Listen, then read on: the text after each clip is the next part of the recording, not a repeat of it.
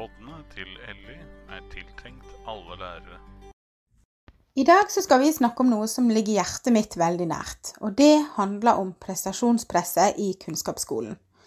Har følelser en plass blant all denne kunnskapen? Det kan ofte ikke føles sånn, men vi har med oss forfatteren bak boka 'Relasjoner, tanker og følelser i skolen', samskapt læring knyttet til fagfornyelsen. Og velkommen til deg. Ja, eh, mitt navn er Anne Toril Klomsten, og jeg jobber på Institutt for pedagogikk og livslang læring på NTNU i Trondheim. Og der jobber jeg med pedagogisk psykologi. Ja, og velkommen til deg. Tusen takk. Så hyggelig. Vi har i dag bedt deg om å komme til oss fordi vi eh, har eh, fått litt sånn tredd nedover hodet de siste årene, det her med livsmestring i skole. Og du har jo eh, nettopp eh, gitt ut en bok om følelser og tanker og livsmestring i skole. Så hvis du vil fortelle litt om din bakgrunn i forhold til det? Ja, eh, min historie er jo egentlig fra langt tilbake. Når jeg kanskje for ti år siden, basert på eh, det doktorgradsarbeidet jeg gjorde som handla om eh, den gangen hvordan unge mennesker opplever kroppen sin og utseendet sitt osv., så, videre, så begynte jeg å tenke på det der med hva er det med disse unge menneskene som vi da skal være med på å slippe ut i verden? Eh, hvordan eh, ballast gir vi dem i form av livskunnskap? Det her med tanker og følelser som har vært, og relasjoner som har vært mitt faglige hjertebarn i mange mange år. Og også For mange år siden så eh, omtalte jeg det som i dag da omtales som livsmestring, mer som psykisk helse som et eget fag. Men så vet vi jo, vi kjenner historien, at eh, skolepolitikerne har, gjort har trykka det her til sitt bryst. Da, og nå da hvor at vi har en modernisert læreplan hvor bl.a. folkehelse og livsmestring er et tverrfaglig tema i skolen. Som er jeg brenner jo for det og syns jo det er det viktigste i hele verden. Um, og, og, så tenker jeg jo at uh, alle sammen som jobber opp mot skolen og i skolen, spesielt lærerne, de får jo et, um, et veld, en veldig stor mulighet nå da, til å jobbe kanskje enda mer eksplisitt med tematikken enn mange kanskje har gjort før. Ja, og det er jo liksom litt der vi, vi som lærere kjenner på den her som jeg, jeg liksom brukte ordet 'tredd nedover hodet'. Fordi vi har jo en lærerutdanning i bunn som ikke inneholder fokus på psykisk helse. Livsmestring er et litt sånn nytt ord. Og, og når jeg snakker med mine medlemmer, medlemmer ute i forhold til deres forhold til det her, så er det veldig mye sånn Ja, det er kjempeviktig og det er kjempespennende, og vi forstår på en måte veldig mye hvorfor det skal inn i skolen. Men man blir litt skremt av at skal jeg ta ansvar for det som pedagog? Skal jeg på en måte Er jeg den rette, da, uten faglig kompetanse på akkurat det, til å jobbe med relasjoner hos elevene og mellom elevene? Og, og kanskje spesielt det her med tanker og følelser, som er så sårt for mange. Det er litt sånn mm. Og vet du, Når jeg hører at du snakker, så tenker jeg jeg forstår deg så godt den frustrasjonen som mange lærere kanskje kan kjenne på. Og ikke minst usikkerheten òg, for det vet vi jo fra, fra, forskning også, at mange lærere de opplever ikke å ha kunnskap og kompetanse, sjøl om de er opptatt av tematikken. Og så vet vi jo at lærere, dere som, som står i det viktige yrket i møte med ele elever, som har gode dager og dårlige dager, det er også lærere. Jeg tenker, det er jo ikke noe nytt at dere lærere jobber med det sosiale sidene av barnet eller elevene. Men kanskje opplevelsen av at det blir så mye mer tydelig nå, kan bli ganske overveldende, samtidig som dere også har så mange andre viktige oppgaver. Men så tenker jeg også samtidig, dette her er dere jo så gode på. Vi vet jo at det relasjonelle forholdet mellom lærere og elever er så betydningsfullt. Så tenker jeg det er akkurat det som gjør at skolen er så viktig arena, er jo for at elevene skal få lære denne type kompetanse sammen med pedagoger og sammen med medelever. For det vet vi jo at man skal lære i samarbeid og for praksis og kunne omsette de teoretiske tingene de lærer i skolen til hverdagslivet. Da. Og så mm. er dere jo mennesker. Ja, vi er jo det.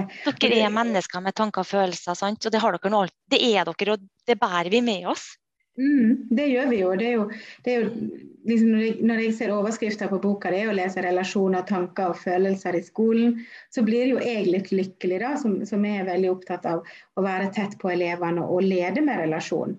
Eh, og bruke den, den, evnen I hvert fall jeg prøver Jeg er jo veldig ydmyk i forhold til det, men jeg får jo ofte tilbakemelding på at det er ting jeg er god på, akkurat det med å skape en, en relasjon til en elev. da. Og, og bruker det veldig mye i undervisning. Og spesielt kanskje fordi at jeg etter Nå er jeg jo ikke jeg kjempeerfaren lærer, men jeg er rimelig erfaren, vil jeg nå påstå. Og jeg opplever jo at den skolen vi har, er veldig prestasjonsprega. Og, og, det prestasjonsjaget som er og du får elevene, det, det ser jeg og har jeg opplevd at drar elever i feil retning. Det blir for tungt, det blir for vanskelig. Og da er jeg veldig glad for at sånne som deg f.eks. kommer ut og sier at det her med tanker og følelser er mye, mye viktigere enn kanskje noensinne før. Fordi at vi skal lage litt robuste mennesker her. Vi skal lage barn. Hvis det går an å bruke ordet 'lage barn'. Altså, De må ha selvfølelse nok til å si at 'jeg er god nok', uansett hvordan karakter jeg fikk, eller hvordan det gikk på prøver. Eller, altså, det er noe med å klare å få det her folkehelse og livsmestring til å bli det som i hvert fall i mitt hode da, er målet. At de får med seg den her Dette takler jeg. Dette kan jeg. Jeg forstår meg sjøl. Jeg kan ivareta meg sjøl. Det, det, er liksom ikke sånn Vi hadde ingenting av det når jeg gikk på skolen. Da, da, var, det, da var, det, å få en S eller en M, og det var, det var det. Enten fikk du det, eller så fikk du det ikke. Fikk du det ikke, så var du dårlig. Mm. Og fikk du det, så var du god. mm. Ja, og jeg kjenner meg jo veldig godt igjen det, det du sier, at uh, det her var jo fraværende også da jeg gikk på skolen. Og jeg er jo en voksen dame, over 50 år. Og da er det jo det sånn enn om det hadde vært noen som hadde snakka med oss om det å håndtere liksom hverdagslivet. Det ville vært litt godt, tror jeg. Og så syns jeg det er litt fint når jeg nå da møter de studentene som er i 20-årene, som også sier det samme. Hvorfor har ikke vi lært denne type kunnskap i skolen? For det, jo, det med tanker og følelser det er jo kjernen i psykisk helse. Og det er så styrende for hvordan vi har det inni oss, og hvordan vi har det i relasjon med andre mennesker. Hvordan vi navigerer i verden. Så jeg, jeg tenker at ja, er ikke på tide? Og så tror jeg at vi kan jo i hvert fall skynde oss litt langsomt nå, da. Og ta et steg i gangen, Sånn at ikke lærerne heller blir sånn, føler et press på at nå skal de liksom håndtere det så perfekt. For vi er jo, vi er jo perfekt uperfekt alle sammen. Og det som jeg synes er at det med livsmestring for meg, det er faktisk i det vi møter elevene i korridoren, eller hvor som helst. Det nikket, det smilet. Har du hjertet på plass, liksom? Og vises det i relasjonen? Bare det er jo livsmestring for meg. Så ikke mm. tenk så vanskelig bare bygg stein for stein, som dere vanligvis gjør da med fagene, andre fagene. Så tenker jeg at det, For det her går jo hånd i hånd, som du så fint sier. Altså, Barn som skal lære, de må jo være på plass. Ja, og det tror jeg er en av de tingene som, som jeg reagerer mest på i forhold til prestasjonsjaget i skolen. Det er jo det at det er ikke sikkert de er på plass. Det spørsmålet som du åpner boka med, hvordan har du det? Det er jo der vi føler jeg ikke helt står kanskje støtt i klasserommet, for vi har så stor mye vi skal gjennom. Vi har en fagplan, vi har alle mulige mål, kompetansemål. Og, og, Du kan liksom ikke begynne en time nå lenger egentlig uten å ha et kompetansemål på tavla, og det er jo faglige mål.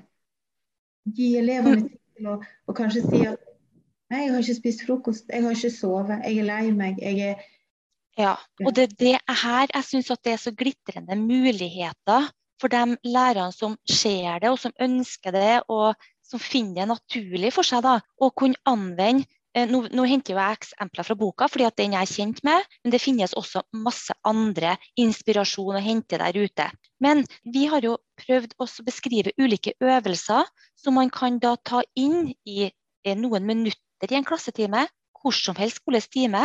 Det kan være i pausene, det kan være veldig veldig små snutter med pusteøvelser eller meditasjon. Og så er jo det da ramma inn av tematikken folkehelse og livsmestring som skal inngå nå da i, i hele det arbeidet som man gjør på skolen. Så nå tenker jeg at lærerne kan kanskje vet ikke om det er mulig, og så slappe av litt med at faktisk er det muligheter for å starte timen, sånn som du sier, med litt andre ting enn kun det faglige. Nettopp fordi vi vet at det er så to sider av samme sak. Det går hånd i hånd. Det er framsida og baksida av barnet, liksom. Ja. Og så Mhm. tror jeg, men, men det som jeg òg da ofte opplever, er jo det at sånn, siden jeg er så veldig sjøl opptatt av å stå nært elevene, så, så opplever jo jeg òg av og til at jeg kanskje går for nært elevene. For det er jo òg noe med det å klare å sant, Du står der som den profesjonelle, og så spør du gjerne litt fordi du ser at en elev ikke har det bra, og så kommer det veldig masse følelser. Så kommer det veldig mye informasjon, gjerne. Og så, og så er man jo menneskelig, så man, man har jo et, et bilde i sitt eget hode av hvordan jeg ville hatt det med, den, med det barnet her. Og så hører man kanskje en annen historie enn det som man gjerne er komfortabel med. Da skjønner jo jeg kollegaer og, og andre lærervenner jeg har som på en måte sier at ja, men jeg vil ikke inn i det. Jeg, jeg vil ikke inn i å bli for kjent med eleven, fordi da spiser han en del av meg. Altså Det er kanskje vanskelig, sant? Vi snakker jo ofte om, i hvert fall jeg gjør, ofte om det at åh, den eleven har jeg lyst til å ha med meg hjem, og den har jeg lyst til å ha med meg hjem. Fordi du, du, du, blir på en måte kjent med dem på en sånn måte at du tenker at åh, dette kan jeg fikse. Ja, jeg skjønner det godt, og det der er et utrolig viktig spørsmål. Fordi For det første så passer det bra for deg å gå nære elevene. Men kanskje du har noen gang opplever at det blir for nære. Mens andre lærere de opplever at de ønsker å ha litt avstand. Og da tenker jeg at Man kan jo fint jobbe med tematikken tanker, følelser relasjoner på et litt mer generelt nivå, uten at man går inn i den enkeltes historie privat. Så, og Det er jo det som er tanken bak boka her. for at Camilla og jeg som har skrevet denne boka her, vi er faktisk veldig opptatt av at klasserommet skal ikke være noe terapirom. Og læreren skal jo ikke bli psykolog. Læreren er pedagog. Men læreren kan, møter jo elevene og kan jo oppdage hvis det er noen som sliter, og dermed også kunne henvise til skolehelsetjenesten eller andre faginstanser. Men så tenker jeg at det er så mange muligheter for å kunne snakke om berøre tematikk som angår tanker, følelser og relasjoner, nettopp uten å bli for privat, og uten at elevene skal verken presses eller inviteres til å legge for mye på bordet som de ikke skal gjøre. Altså, jeg tenker at Det er veldig fint at elevene lærer å grensesette seg, og at de passer på at de ikke deler for mye. Mm. Det tror jeg er et Mm. veldig godt poeng. Eh, Ja. At vi har gjennom det faget her en mulighet til å, å bli gode på relasjoner sammen, kanskje. Mm. Mm. Og når vi, når vi, jeg bare kjemper en ting, når vi un, prøvde ut det her på en ungdomsskole i en stor by i Norge, da, så fikk elevene lære om dette med tanker, følelser, psykisk helse og livsmestring én time i uka gjennom ett skoleår. De hadde faget på timeplan. Der var det før at det ble innført som et tverrfaglig tema. Og det elevene aller best likte å lære om, når de, vi spurte dem helt sånn åpent spørsmål, det var om følelser, om tanker. Det er om det med de vanskelige tanker som det med selvskading osv. Det opptar ungdommene. Og så spurte vi dem hva er det viktigste du har lært. Jo, jeg har fått ny kunnskap om meg sjøl. Og så har jeg fått ny kunnskap om andre. For ting er ikke så ofte så bra som det ser ut på, på framsida, skal vi si. Og så har de fått økt kunnskap om at de utgjør en forskjell i det relasjonelle samspillet mellom seg. Mm. Det er viktig kunnskap. Veldig viktig kunnskap. Og det, det, er jo akkurat det som på en måte kanskje skal til for å bygge selvfølelsen som man trenger for å stå i et prestasjonspress. Ikke Um, sant? Og jeg tenker på det at Vi blir jo ikke mennesker hver for oss. Det er jo ikke noe individuelt egoprosjekt. Vi blir jo mennesker i møte med andre. mm. Og Det er jo derfor det er så viktig å kunne ha denne type kunnskap om hva er følelser. Hva er forskjellen på grunnfølelser, primærfølelser og sekundærfølelser? Når vi, når vi dekker over det vi egentlig kjenner. Si en elev da som opplever at noe trist skjer i familien. Det kan være at kjæledyret dør, eller det kan være at eh, noen i familien er syk. Og så tør ikke å vise at du er lei deg. Og så tar du på deg maske, og så viser du bare sinne, og du er frustrert og viser aggresjon. Og istedenfor å være lei deg og kanskje til og med vise at du har tårer, for at du skal bli møtt og få trøst og støtte, så, så risikerer du altså å skyve andre fra deg. Og så, mm. og så tror vi at disse sekundærfølelsene skal liksom hjelpe oss for at vi skal på en måte maskere oss, men det som skjer er jo motsatt. Vi får ikke dekket de behovene for støtte og omsorg og trøst som mange av oss trenger i perioder. da. F.eks. når det skjer noe leit i livet, og det, det gjør det jo i manges liv, også i de små barnas liv. Ja, det gjør jo det, og, og, og i lærernes liv. Så, så det Ikke jo, minst, ja. Mm. Det er jo vanskelig å, å hele tida skulle være Mm. Jeg har lurt litt på det, om jeg får lov å spørre. Hva mm. dere, hva lærere tenker om det med å by litt på seg sjøl? Er det lov for lærere å si at vet dere hva, i dag har jeg en litt dårlig dag? Er det lov, eller skal man hele tida være sånn, og så ha altså stålkontroll og være så profesjonell i møte med elevene? Altså, det er vel egentlig delte meninger omkring det. For, for noen av, av, av, de som jeg diskuterer temaet med, er veldig opptatt av profesjonaliteten. Altså, vi, er, vi skal være rollemodeller, vi skal være tydelige, vi skal være varme. Vi skal, være, altså, vi skal på en måte være en god versjon av oss sjøl fordi vi er pedagoger. Og, at man gjør, sant? og det, er jo noen, det er jo ikke uten grunn at man ofte sier at man er pedagog på jobb, men det er man ikke hjemme. Nei, og Det syns jeg er så interessant. og Jeg har jo lyst til å bare liksom utfordre eller egentlig invitere oss alle sammen til å tenke på men er ikke også lærerne hele mennesker? Er ikke dem òg? De, de kommer jo til skolen i sin profesjonalitet som hele mennesker. Og så um, tenker jeg, er det kanskje også profesjonalitet å kunne noen ganger når det er passende, å vise at de også er mennesker mm. i møte med elevene. Jeg har lyst til å bare utfordre oss sjøl til å kunne diskutere hvor går grensene der. Og Det er jo et kjempeinteressant tema å kunne diskutere i kollegiet, tenker jeg. Ja, og det, jeg, jeg, har diskutert det mye med andre òg, som jeg sa. og jeg, mm. Vi er så forskjellige. For det, det har ja. med Altså For meg gjør det ingenting om jeg skulle begynne å grine i et klasserom, eller, eller miste tålmodigheten. Eh, og det har jeg jo gjort som lærer. Mm. Eh, mm. Vi går jo inn der. Vi skal jo ikke, selvfølgelig ikke heve stemmen. Vi skal selvfølgelig ikke bli synlig irritert. Men noen ganger så blir man faktisk det. Man er, man er menneske. Det, vi, vi, har en, en terskel for når en elev har tråkka på de rette knappene. Og, og, og, jeg tenker at da tenker jeg det som går det viktig å Ja, da ble jeg veldig sint, og så ble jeg frustrert. Og så heller forklare eleven hvorfor, og at det er OK som voksen òg. Og da er det faktisk helt OK for det barnet å bli det samme. Og Det som er så fint der, det er jo at du faktisk hjelper barnet til å begrepssette det som skjer. Altså Du hjelper til å sette ord og begreper på følelser. Og det tenker jeg er Jeg har en sånn anelse om at kanskje mangler vi barn og unge, men kanskje også voksne, et begrepsapparat for å kunne beskrive det som skjer. Eh, vi bruker jo eksempler med jeg vet ikke om, når, hvis dere, Egentlig så er det bare å tenke på, en, på neste sånn uh, stjerneprogram. eller Hva heter det stjerne... Det programmet som går på NRK Stjernekamp. Nei, ja. nei, nå tenkte jeg på to stjerner et ønske, for det er det vi jobber ut fra. Men, men eh, ja, sånn, ja. Nei, du vet alle de showene hvor man har sånn eh, konkurranser i sang, eller om det er idretten, eller spiller ingen rolle. Og så når de får spørsmål om hvordan var det, så er det veldig ofte at de, de bruker begrepet det her er så sykt, det er sjukt bra, det er sykt fint. Og så tenker jeg det er interessant at det går igjen så mye, og at man ikke har eh, verken fantasi eller kanskje faktisk ikke begrepsapparat for å bruke mer nyansert og mer finmaska følelsesrepertoar. Så jeg lurer på, mangler vi faktisk et, eh, et repertoar for å beskrive følelser?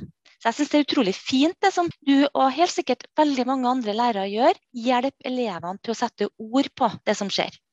Mm. Det er kunnskap, det. Ja, det er masse kunnskap. Og jeg tror også at, mm. at eh, og nå, nå, har jeg jobba både på barneskole, jeg har jobba på mellomtrinn, jeg har jobba på videregående og jeg har jobba på ungdomsskole. Jeg har jo hatt noen elever, og, og da spesielt i ungdomsskole, som er jo i akkurat den brytningen av alt som skjer på innsida, og, og hvor vanskelig livet plutselig virker. De, de, begynner å bli store. De, de, skjønner at nå er alle de trygge rammene som har vært vært der nå, er de på en måte litt sånn i ferd med å falle, for nå skal jeg klare meg sjøl.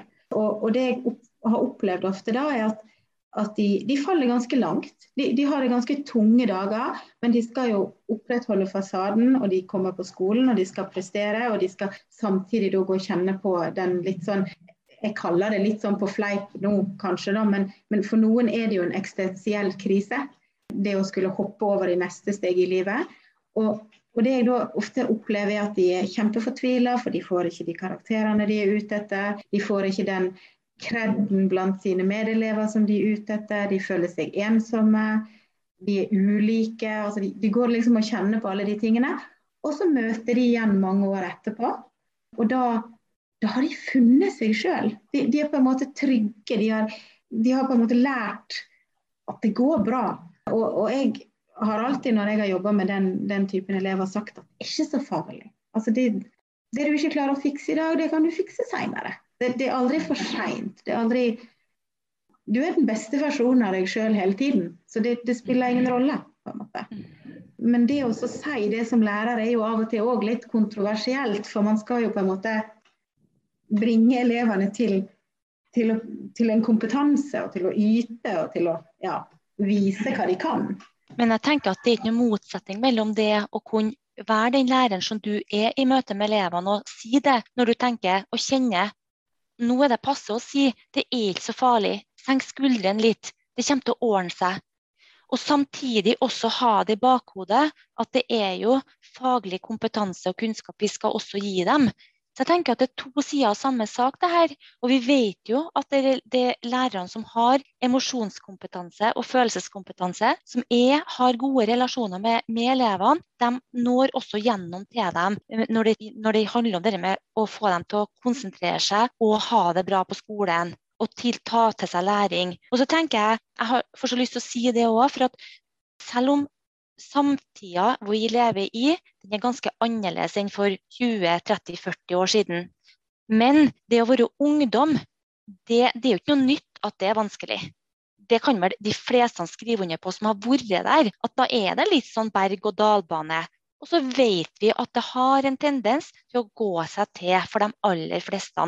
Så vi skal ikke overhodet ikke sykeliggjøre dette her som også er vanskelig i ungdomstida, for at det er sånn livet også er. Det er både lett og vanskelig og litt kjedelig innimellom. Så får jeg lyst til å si at Lærerne skal jo heller ikke ha noen løsning til elevene. Men det jeg tenker at vi kunne kanskje ha øvd oss litt på, det er jo det her å bekrefte eller validere eller møte elevene mer på følelser. Og Det er sånn som vi beskriver, og det er jo henta fra flere andre psykologer, som eh, bl.a. Fallmyr og det Sindig og flere, som har beskrevet denne gode måten å validere unge mennesker på. Gjennom å se følelsene deres, se at det er noe, hjelpe dem å sette ord på det som er vanskelig. Og bekrefte at det er helt greit at du føler sånn. Så de ikke føler seg noe rar, eller at de begynner å skamme seg over de følelsene de har. For de følelsene vi har, de må vi få lov å eie. Og det, det er godt å bli bekrefta på det. Og så det at når vi begynner å komme til løsninger, så er det ofte sånn at de unge de finner jo løsninger, de har løsninger sjøl, når at de opplever å bli sett og møtt og bekrefta av en voksen. Ja, det er godt, det. Ja, det er jo det. Og det sier jo vi voksne òg, det. Og jeg, jeg, finner ofte mye oppturer når elever bekrefter mine følelser, faktisk. Og det er jo litt sånn Det er jo et samspill der som, som Og det, det, er jo ingenting som er bedre følelse for en lærer eller når du både faglig og på, si, på den psykiske helsa til en elev kan si at i dag har vi to fungert godt i lag. Mm. Det er jo ingenting som er bedre enn det. Og spesielt når du jobber med Jeg har jobba veldig mye med elever med, med atferdsproblemer, og det har vært alt fra voldelige elever til, til, til selvskadende elever. Og, og det, mm. bare det å komme dit at vi begge to forstår problemet, um, mm. det er en, en, veldig spesiell følelse. Um, og da tenker jeg man har um, kommet veldig langt, samtidig som jeg tenker at igjen, som jeg sa i stad, det, det, er jo veldig mange som ikke vil dit som lærer. Mm. Og så tenker jeg at de må også få lov å gå sin vei og ta de skrittene som de trenger. Og jeg tror nok Det at det gjelder jo alle oss voksne, uansett lærer eller ikke. Det er jo at vi sjøl, vi alle vi voksne, har jo også med oss en bagasje av hvordan vi forholder oss til egne følelser og andres følelser. Fordi vi har også vært barn, og vi kommer også fra et hjem eller en oppvekst hvor vi kan spørre oss sjøl om hvordan var det emosjonelle klimaet når jeg vokste opp? Var det sånn at i heimen der jeg var, så var det aksept for å være glad og være sint og få lov å gi hverandre klemmer? Eller var det sånn at du skulle helst ikke vises, du skulle ikke, ikke, ikke, i hvert fall ikke vise at du var lei deg. Men du skulle på en måte bare håndtere alt, og du skulle være den tøffen som, som klarte det. Kanskje i noen familier så er det ikke aksept for å være sint eller for å være frustrert. Altså her, det er så utrolig store forskjeller som vi har med oss og Det tenker jeg er en sånn fin refleksjonsøvelse for oss voksne. da, er akkurat det å kanskje huske på litt tilbake og så finne ut hvordan er mitt forhold til følelser i dag? Hva trenger jeg for å være trygg? Hva er det som gjør meg utrygg? Og hvordan ble jeg sånn? Det er ikke noe som lærerne prøver å dele i kollegiet, man kan gjøre det som en helt individuell refleksjonsøvelse. Mm. Å, jeg tror at vi må være, ha stor aksept for at lærere er veldig veldig forskjellige. At man har sine grenser. Mm. Tror du det, Janne? Jo, jeg tror absolutt det. Og vi må ha like stor respekt for at elevene er såpass forskjellige at det å skulle ta et lite barn som kommer til første trinn med hjertet litt sånn utenpå, full av forventninger til alt, alt mulig de har jo ikke, Det er jo ingen eh, ende på hva de tror at skolen skal gjøre i livet deres, på en måte. For det er jo den viktigste dagen. Det er jo så mye følelser involvert der. Og så, så begynner de på, på, skole, og så opplever de å feile enten Oi, kanskje skrev jeg tretallet feil vei. Altså, de begynner gjerne å oppdage at, at fagene som de sant? Jeg, sant? jeg, har jo en liten jente sjøl som nå har begynt på matematikk, og det er så fantastisk, det er så gøy. Og hun får det sånn kjempetil og vil bare jobbe mer og mer og mer og mer. Og så sitter jeg og ser på henne, så tenker jeg ja, det er veldig gøy, men jeg kvier meg veldig til den dagen hun oppdager at, at hun kan feile. Og hvordan vil hun da takle det?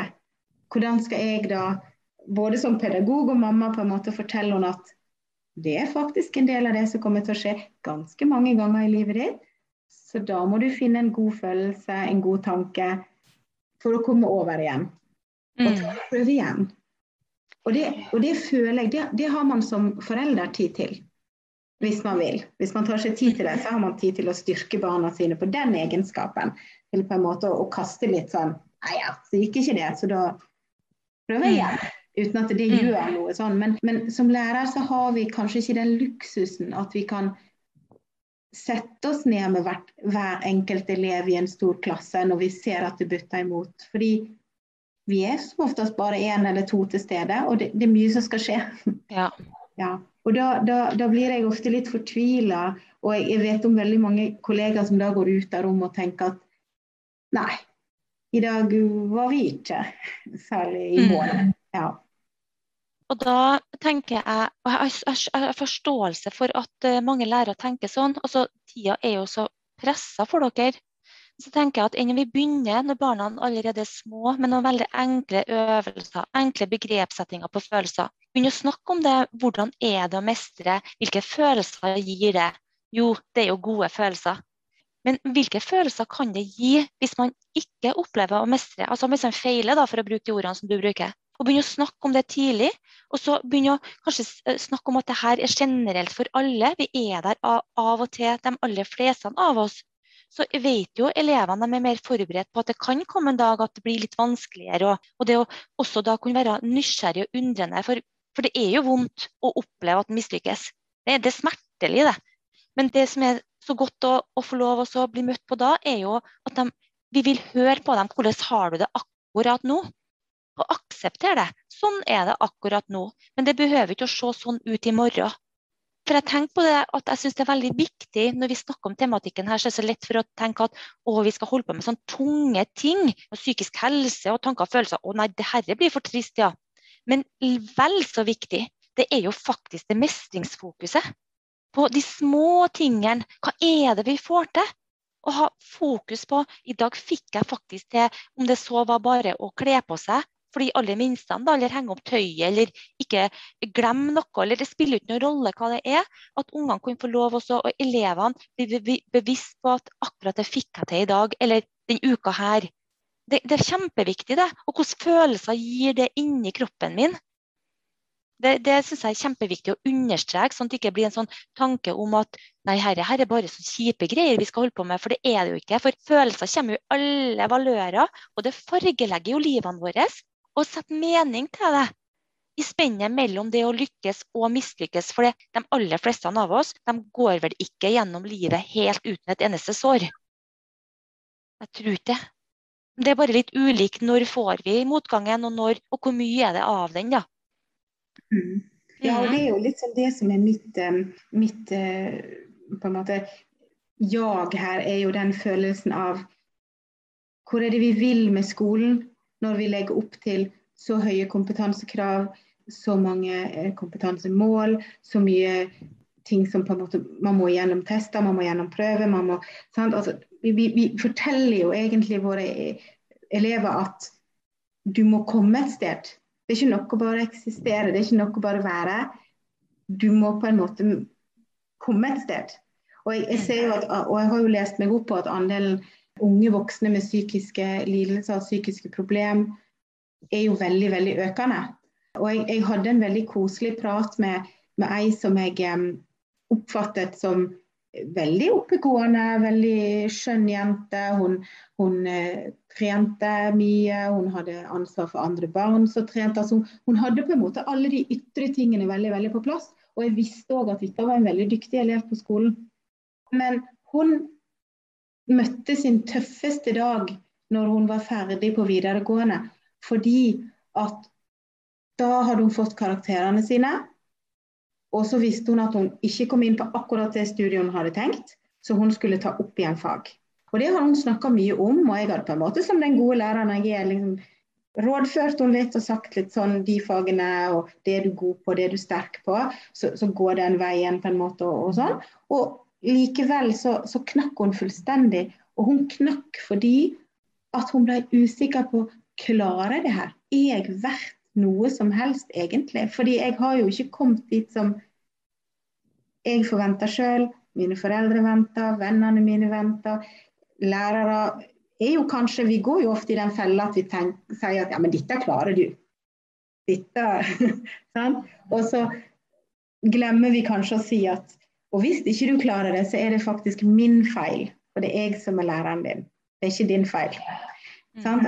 Og bare der så, så blir jeg veldig bekymra når jeg leser de her tallene på hvor mange som faller utenfor, hvor mange som rett og slett går gjennom noen år av livet der de har veldig veldig store problemer med å, å takle det å bli voksen. Ja, Du peker jo på noe som er så viktig. og det blir jo sånn at Når, man, når at ungdommene blir sine prestasjoner, istedenfor å, å, å også være den de er, dypest sett som menneske, så gjør vi noe som er ganske uhensiktsmessig for mennesket. fordi at Når man er sine egne prestasjoner, man blir sin egen lykkes med, så blir fallhøyden så himla stor når at de da opplever, sånn som du da viser til den unge damen her, som, som, opplever at hun er ingenting verdt. da.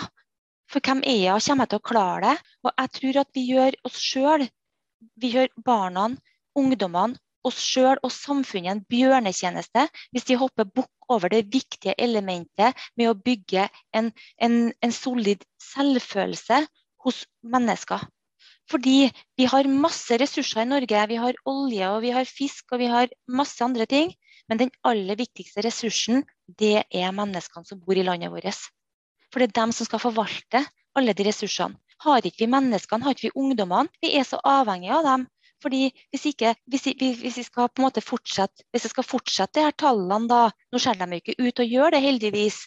Vi er så avhengig av hverandre at ungdommene klarer oss å stå i arbeid når vi blir gamlere. fordi det er noe sånn livsløpet er. Det er de barn og unge som skal ta over etter oss som er voksne og blir gamlere. Jeg tenker på at Det er viktig å få sagt det, at eh, de aller fleste barn og unge som bor i Norge, de har det bra. De har det bra fysisk, de har det bra psykisk. Men så har vi jo sett disse tallene, og de er ikke så veldig langt unna internasjonale tall. Jeg snakker med så mange andre kollegaer fra andre land, og vi opplever jo omtrent det samme. At det er mange unge mennesker som opplever psykiske helseplager. Ikke nødvendigvis diagnoser, men type angst, depresjon, stress som er såpass, har rammet dem så hardt da, at det går utover ikke bare skoleprestasjonene og motivasjon for læring, men også livskvalitet. Vi vet at tallene er 15-20 nasjonalt, og så er det litt variasjoner. Og vi vet at de har økt siden 2010, og så ser de ut til å flate ut nå. Og det har også vært en liten økning blant gutta de senere årene. Sånn at det ser ut som presset også er, er, er i ferd med å, nå guttene, da, ikke bare de type flinke jentene. Jeg, tenker at det her er noe som vi, vi skylder ungene våre og oss sjøl å ta på alvor. da. Mm. Ja, det tenker jeg òg. Og jeg har jo eh, jeg, jeg, elsker jo å henge opp Jeg har et sånt bilde av, eh, av ei jente som står med sånn Supermann-kappe på seg, og så står det 'god nok' over brystet. da. Mm. Og Det, det, liksom, det syns jeg er så gøy å ha hengende ved inngangen til mine klasserom. For det er noe med å speile Ja, men du er helt perfekt. Det, altså, mm. går inn her nå, Om du ikke lærer det du skal, så er det min feil. Og på en måte bare signalisere med det lille at du mm. får det til, og du, du er god nok på alle mulige måter. Mm. Og det viser vi jo nettopp i det relasjonelle mellomrommet mellom oss. For der, der, der er et mulighetsrom til, med blikket og med stemmen vår og med måten vi bare er sammen med ungene og ungdommene Vise at vi aksepterer dem, vi verdsetter dem, og vi lar dem få eie sine egne opplevelser av hvem de er. Og det å bli bekrefta på at du er god nok selv om du feiler og går på trynet. Det er jo godt å få bare få bekrefta at ja, men som menneske er jeg helt OK. Trenger ikke å være den nummer én hele tida. Det er veldig få av oss som klarer det på alle områder. Jeg, jeg klarer i hvert fall ikke. Nei, ikke jeg heller. Nei. Nei.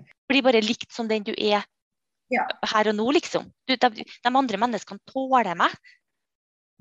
Ja, mm. jeg, jeg, pleier ofte å si til, til, til han i heimen at 'love me or leave me'.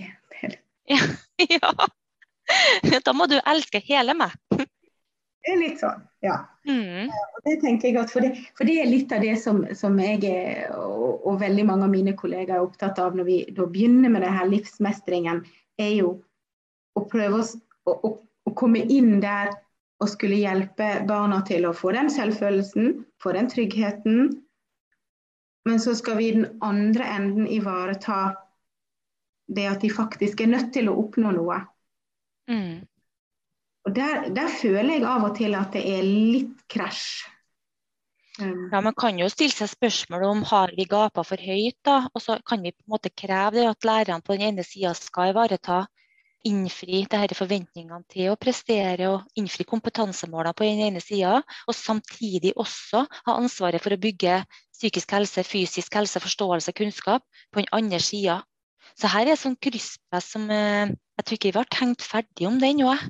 For det, det, det, det, tenker jeg at det eh, må for noen lærere føles som en ganske stor rolle, store sko å fylle. da.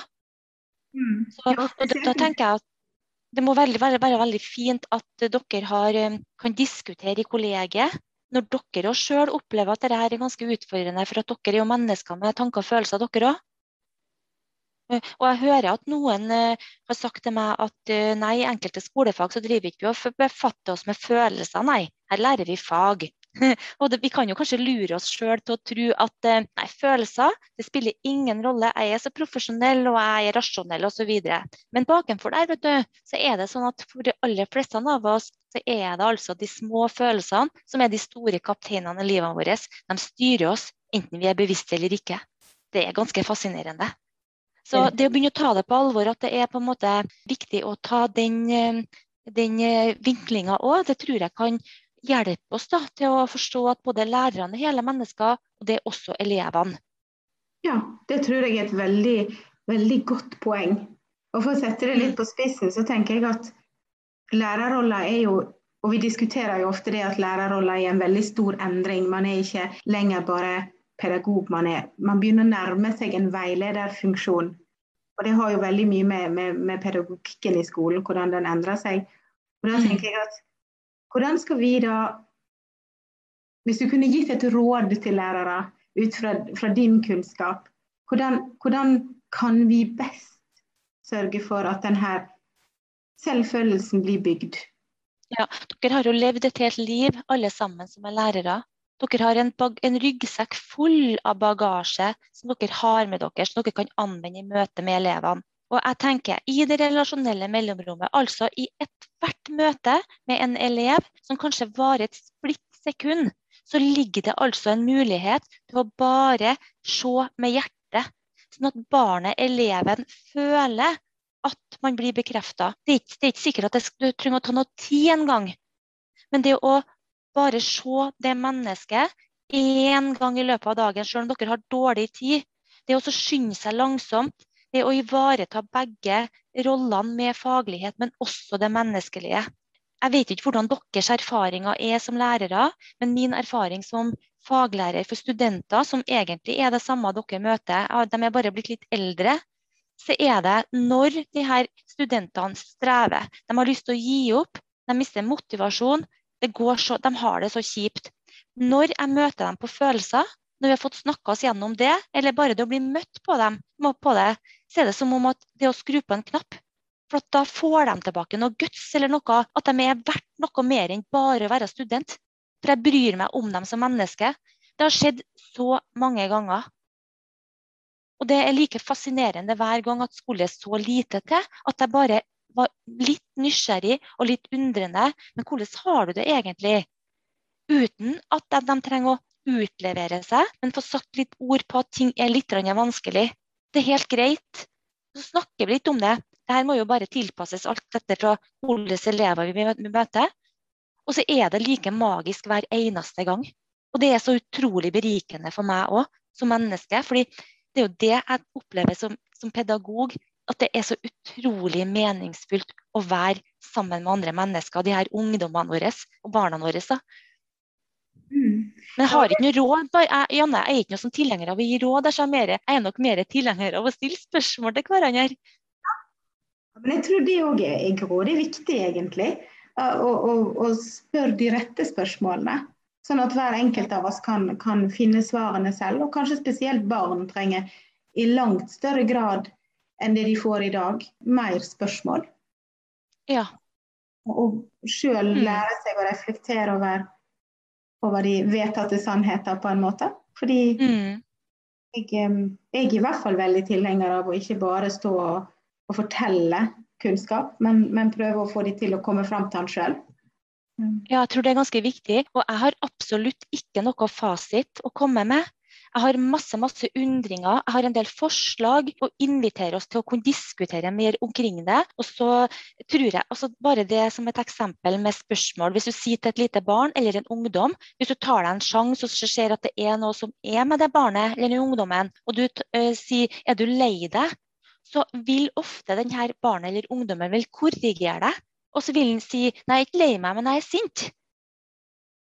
Sånn at det her med å stille spørsmål, det er så utrolig virkningsfullt. Og da bare gjennom å stille spørsmål, så vil jo den andre oppleve at jøss, er du interessert i meg? Så jeg tror faktisk at det ligger en, et potensial hos oss alle der, da. Mm. Mm.